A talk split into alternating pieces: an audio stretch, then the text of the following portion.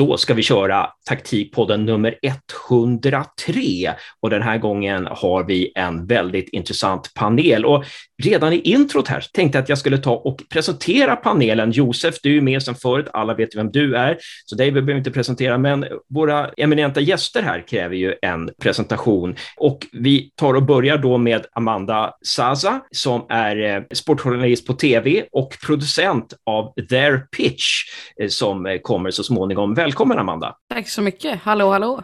Och Mia Eriksson, fotograf på Sportspress Photo, journalist, regelbunden skribent på Analytics FC, medarbetare på Her Football Hub, klubbfotograf i Linköpings FC och aktuell också som producent av den nya fotbollspodden Their Pitch. Välkommen Mia! Tack så jättemycket. Känns skönt liksom att få, jag har ju sagt det redan, det känns skönt att få prata svenska för en gångs skull. Precis, för er fotbollspodd är ju på engelska. Jag tänker att vi säger några ord om den innan vi kör igång. Det är ju jättespännande med their pitch, TP. Ni har en superfin logga och ni har ju otroligt intressanta gäster. Hur är liksom upplägget med their pitch? Ja, alltså tanken är väl att vi ska kunna mixa det bästa från mina erfarenheter då som sportjournalist och eh, det faktum att eh, Mia läser taktisk analys. Och vi har väl insett någonstans att eh, den mixen funkar väldigt bra och att spelarna tycker om att de tycker om att prata fotboll. Det är inte många som tror det, att de gör det, men det är väldigt uppskattat. Så tanken är att vi har en gäst varje vecka som vi pratar lite, vi tar lite livserfarenheter och går igenom deras karriär, men också går vi lite djupare in på eh, den taktiska analysdelen av fotboll. Eh, och så har vi lite läsarfrågor, eller läsarfrågor, lite lyssnarfrågor eh, som vi tar in för mixen liksom. Och vi har märkt att det funkar väldigt bra och att det uppskattas. Och ni har spelat in ganska många avsnitt redan, va? Eller? Ja, vi har spelat in en hel del. Med Hanna Glas till exempel, Frida Månum, alltså välprofilerade spelare också som är ganska stora. Mm. Och den här podden, Their Pitch, fotbollspodden, den kommer att börja sändas i typ januari eller? Tanken är att den ska börja gå i början på nästa år. Sen när det är inte helt, eh, det är inte helt uh, spikat än, men någonstans då ja. Och det är en skandinavisk podd. Alltså, den, den, fokuserar på skandinaviska spelare fast den är på engelska. Eller nej, där hade jag fel. Där skakade Mia på huvudet där. Vi hade tanke om en första säsong, eh, men sen insåg vi att nej, men vi skippar det här med säsongstänket och, och bara kör på. Så att man kan säga så här att eh, vi, vi kommer ha med spelare liksom ifrån hela världen eh, och det är därför vi också har valt eh, att göra den på engelska, för vi tror att intresset för den skandinaviska fotbollen också är större än, eh, än vad många tror. Eh, och det är inte alla som kan prata svenska och förstå svenska utanför Sveriges gränser, så så vi vill ge alla en möjlighet att få ta del av det fina smörgåsbordet som finns av eh, fotbollsspelare i, eh, inom damfotbollen. Tanken är att vi också ska ha med agenter, analytiker eh, och spelare från hela världen. Och coacher. Och coacher också, ja. Mm. Mm. Så att, eh, inte någon skandinavisk fokus. Det ska bli superspännande och eh, jag räknar ner dagarna. Då kör vi igång podden.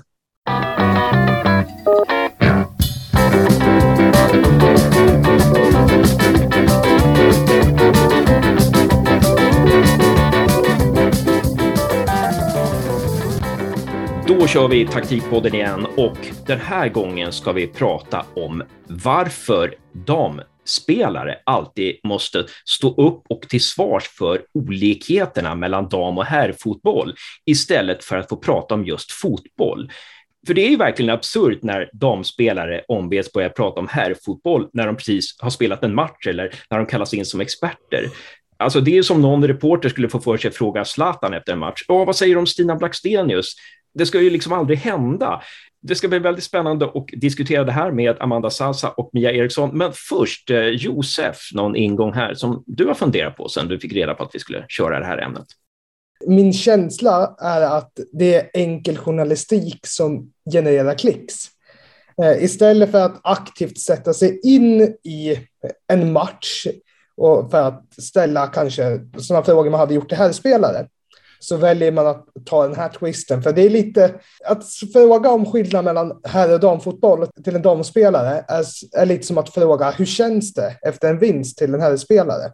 Och det är rätt ointressant tycker jag att ställa den frågan om och om, om igen för att Det är ungefär samma svar. Och helt ärligt, liksom, gör ert jobb och sätt er in i, i idrotten och förbereder kanske, alltså när du säger så här, hur känns det? det är liksom, man, man undrar, en reporter som har stått och tittat på en match i två timmar och sen så är första frågan, hur känns det? Liksom, har, du verkligen, har du verkligen inte någonting bättre att komma på? Det känns ungefär den frågan. Vad säger, om en damspelare helt plötsligt ska börja eh, diskutera, liksom, eh, stå upp och prata om olikheten mellan dam och herrfotboll, det känns ungefär lika slött.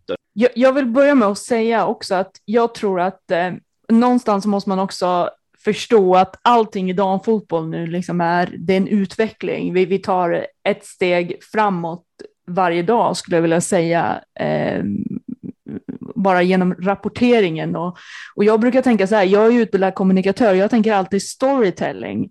Eh, det är väldigt mycket information som flödar. Vi kommunicerar ganska lite med varandra, fast vi tror att vi gör det. Och det är liksom hur vi berättar om saker som man behöver börja tänka till om. Hur berättar vi om jag skulle vilja också säga produkten damfotboll från och med nu.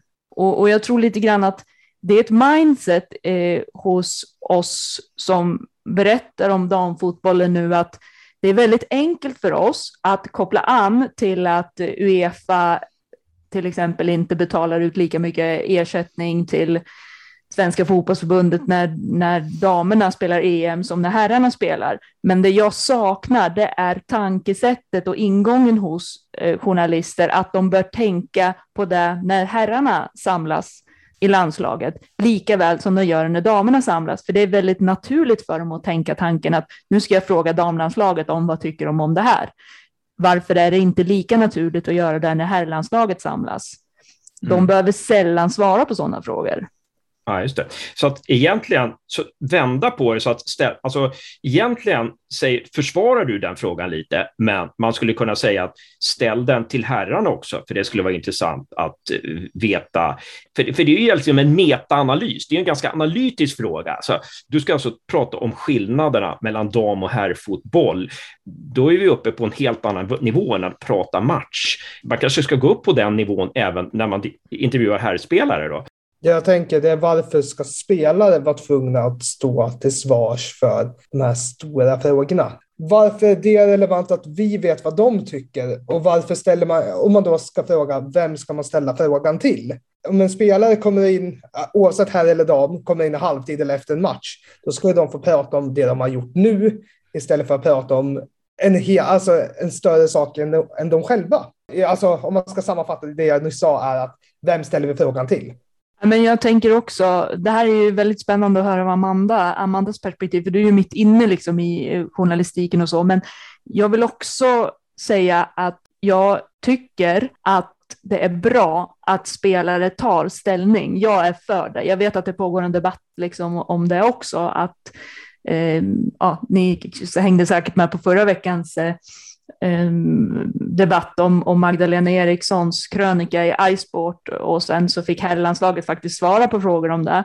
Jag tycker att det är bra. Jag tycker generellt att herrspelare är dåliga på att ta ställning. Nu generaliserar jag väldigt mycket. Jag vet att det är säkert någon som blir upprörd över det, men jag tror att det handlar också jättemycket om att man måste tänka på att herrfotboll ligger årtionden före i sin utveckling. Herrspelarna har inte behövt tagit in den det perspektivet när de började spela fotboll. Damspelare gör det därför att man behöver det. Och jag beundrar de spelarna som verkligen gör det. Så jag säger inte att, att vi inte ska ställa frågan till dem, jag säger bara att man behöver tänka på varför tänker man alltid på det när man ska intervjua en damspelare, mm. men väldigt sällan en herrspelare. Ja, bra, jätteintressant. Eh, Amanda? Eh, ja, men precis som Mia sa, jag är ju mitt uppe i det när man går in och ska träffa någon, då kommer man in med tydliga vinklar som man har sett tidigare. Man vill göra uppföljningar och du vill prata med dem om vissa saker. Eh, och sen, så är det, sen kan det väl kanske också bero på att vi har inte så många som verkligen bara riktar in sig på damfotboll för att kunna gå lite djupare i samtalsämnena i Sverige. Jag känner inte till någon som bara, bara gör damfotboll. Jag tror också att problemet grundar sig lite i det, att man inte har folk som är jätteinsatta. Och då kommer hur känns det-frågan upp liksom. Samtidigt så har jag märkt också att man tar de här konversationerna vidare och man börjar ställa lite frågor till herrlandslagets spelare. Senast med, ja, med dels det som Mia sa där med uh, Magdalena Eriksson och Victor Nilsson Lindelöf. Och sen så frågade man Zlatan också när han var tillbaka på landslagssamlingen om Hammarby som slog rekordet. Så att de Ja, började ju prata mer damfotboll med herrspelarna på samma sätt som de pratar herrfotboll med damerna. Så att det börjar ju komma in mer och mer och man börjar implementera och förstå själva, ja men som Mia säger, produkten damfotboll och vill lyfta den och märker att okej, men det här är, det är intressant för våra läsare, för det måste ju de som är, alltså kommersiella medier, måste ju ha det i åtanke att vi måste ju ha någon, en produkt eller en artikel eller vad som, som våra läsare finner intressant. De måste ju tänka lite mer på det än public service som då har, har ett uppdrag att spegla Sverige. Så att det är ju två helt olika saker egentligen, men det är väl det jag landar i någonstans, att det går framåt med att damerna får svara på de här frågorna, men nu börjar herrarna också få göra det. Jag tycker att den debatten kan vara ganska intressant att skapa och få att ställa dem mot varandra lite och låta dem diskutera, men inte med varandra, men genom journalisterna typ. Det är spännande vändpunkt den här diskussionen tog, för jag kände så här, jag, jag trodde så här, vi ska diskutera, eh, ingången så här, vi ska, vi ska diskutera journalisternas eh, eh, eh, okunskap liksom, eller dåliga frågor. Men så blev det, så vändpunkten här med att den här frågan kan vara okej, men ställ den då också till herrarna, för det skulle vara spännande att se vad de säger. Det är ju, det är ju liksom mindblown, så är det ju naturligtvis. Fan, det vore ju skitspännande att höra liksom, det, det här, när herr, herrlandslaget ska samlas. Liksom, vad, vad, vad, vad, säger ni, vad säger ni om att eh, damlandslaget, eh, några spelare måste ta liksom, tjänstledet för att komma? Alltså, det, vore ju, det vore ju superspännande. Nej, men jag, jag kan vara lite kontroversiell här också faktiskt, för jag tyckte att det var lite spännande när Victor Nilsson Lindelöf sa att eh, han uttalade sig om och sa att jag vet inte om Magdalena Eriksson har lyssnat på vad jag har sagt tidigare. Någonting. Mm. Och då tänkte jag så här, men vad har du sagt tidigare? Du har inte sagt någonting mer än att du tycker att det är bra att frågorna belys, belyses och inte, men, men det är ju inte att ta ställning. Alltså, det är också en sån där grej. Vi blir ju, jag, jag har ju väldigt mycket kontakt liksom, med många utländska journalister. Jag skriver ju för många sajter liksom så och, och det är så spännande. De kan säga men det där är typiskt svenskt att vara så. Ni vågar liksom inte säga vad ni tycker alltid. Och vi kanske är så, jag vet inte. Det är ju en kulturfråga. Det är ju väldigt mycket kultur beroende på hur långt fram man är i vissa frågor om hur saker och ting rapporteras. Men alltså jag märker det också om jag lägger ut en bild på Linköpings Instagramkonto där jag kanske skriver, jag vet att jag skrev någon gång om, jag kan ta ett exempel. Jag vet att jag skrev om Frida Manum någon gång när jag hade tagit en bild när hon sköt iväg bollen och så skrev jag hokus pokus, eh, Norwegian International Frida Manum in focus. Och så kommer spelarna till mig efteråt och säger bara alltså shit det där var så himla bra men vi hade ju aldrig skrivit så om oss själva för att promota, förstår ni liksom? Mm. Och, och, då tänkte jag så här direkt, ah, nej, men det är ju lite typiskt skandinaviskt och svenskt att vi inte vill framhäva någonting. Och då blir det så här, när jag satt och lyssnade på när Victor Nilsson Lindelöf säger så där att, men vad har du sagt då, tänkte jag. Jag har inte mm. hört någonting. Inte mer än att jag har hört att du har sagt att du tycker att det är bra att frågorna belyses, men, men du har ju inte tagit ställning. Och det är ju det Magdalena Eriksson gör. Hon tar ändå ställning. Det där är superspännande. Den tråden tar jag gärna upp. Men Josef först. Jag tänkte just på det där med att ta ställning och produkten. Själva den här frågan som ändå utgår ifrån. Alltså, gör den här frågan produkten starkare? På, på vilket sätt, om man ställer den här frågan, kommer det att i längden generera en starkare produkt för damfotbollen? Eller är det varje gång att den här frågan tas upp att ni upplever att den förs försämrar och försvagar damfotbollen i, om vi nu tar Sverige? Ja, att den, den tar fokus från de, rikt, de frågor som vi egentligen borde ställa för att skapa ett intresse eller fördjupa intresset. Eh, Amanda? Men jag vill bara ställa en motfråga här till dig Hasse. Vilka frågor, är det, vilka frågor ska vi ställa? Vilka är de, riktiga, vilka är de viktiga frågorna? Vem, vem ja, avgör det. det? Ja, vem avgör det? Jag kan bara tänka, när jag sitter och ser en match på tv, då är det massa saker jag undrar hela tiden. så här. Ja, men hur tänkte, hur tänkte de där? Liksom, varför, varför, varför, bytte de ut, eh, varför bytte de ut den spelaren och satte in den spelaren? Varför gick de över liksom, till trebackslinje och så där? Och då tycker jag, liksom, när det kommer en sån där fråga, som till exempel, ja, vad är det för skillnad på herr, herrfotboll och damfotboll eller hur känns det? Då känner jag liksom, ja men det hör inte till den här berättelsen. Den berättelsen som jag precis har bevittnat, nu är du ute och berättar en annan histori story. Liksom. Nu är du ute och berättar en historia på dina villkor. Jag tycker att liksom, journalister bör underordna sig matchen. Alltså, nästan som en amerikansk berättare, som amerikansk prosaförfattare upplös dig själv. Mm. Låt, låt det, berättelsen tala för sig själv. Liksom. Låt oss åskådare få syn på saker som vi inte hade fått syn på utan dina frågor ja, hellre frågor som, ja men liksom, du slog fem felpassningar där, liksom. Eh, mm. vad berodde det på? Var, var, var du trött eller? Liksom, då hör du till berättelsen, men börja prata liksom skillnad här, fotboll och damfotboll. Ja, men jag tycker också det är spännande, liksom. alltså, när, när man pratar om, om man ska ställa skillnader, eh, frågor om skillnader mellan, till herrar om, eh, om dam och herrfotboll och vice versa liksom, till damer, skillnader. Alltså, Sen är också så här, varför, varför sätts skillnaden i fokus? Mm. mm.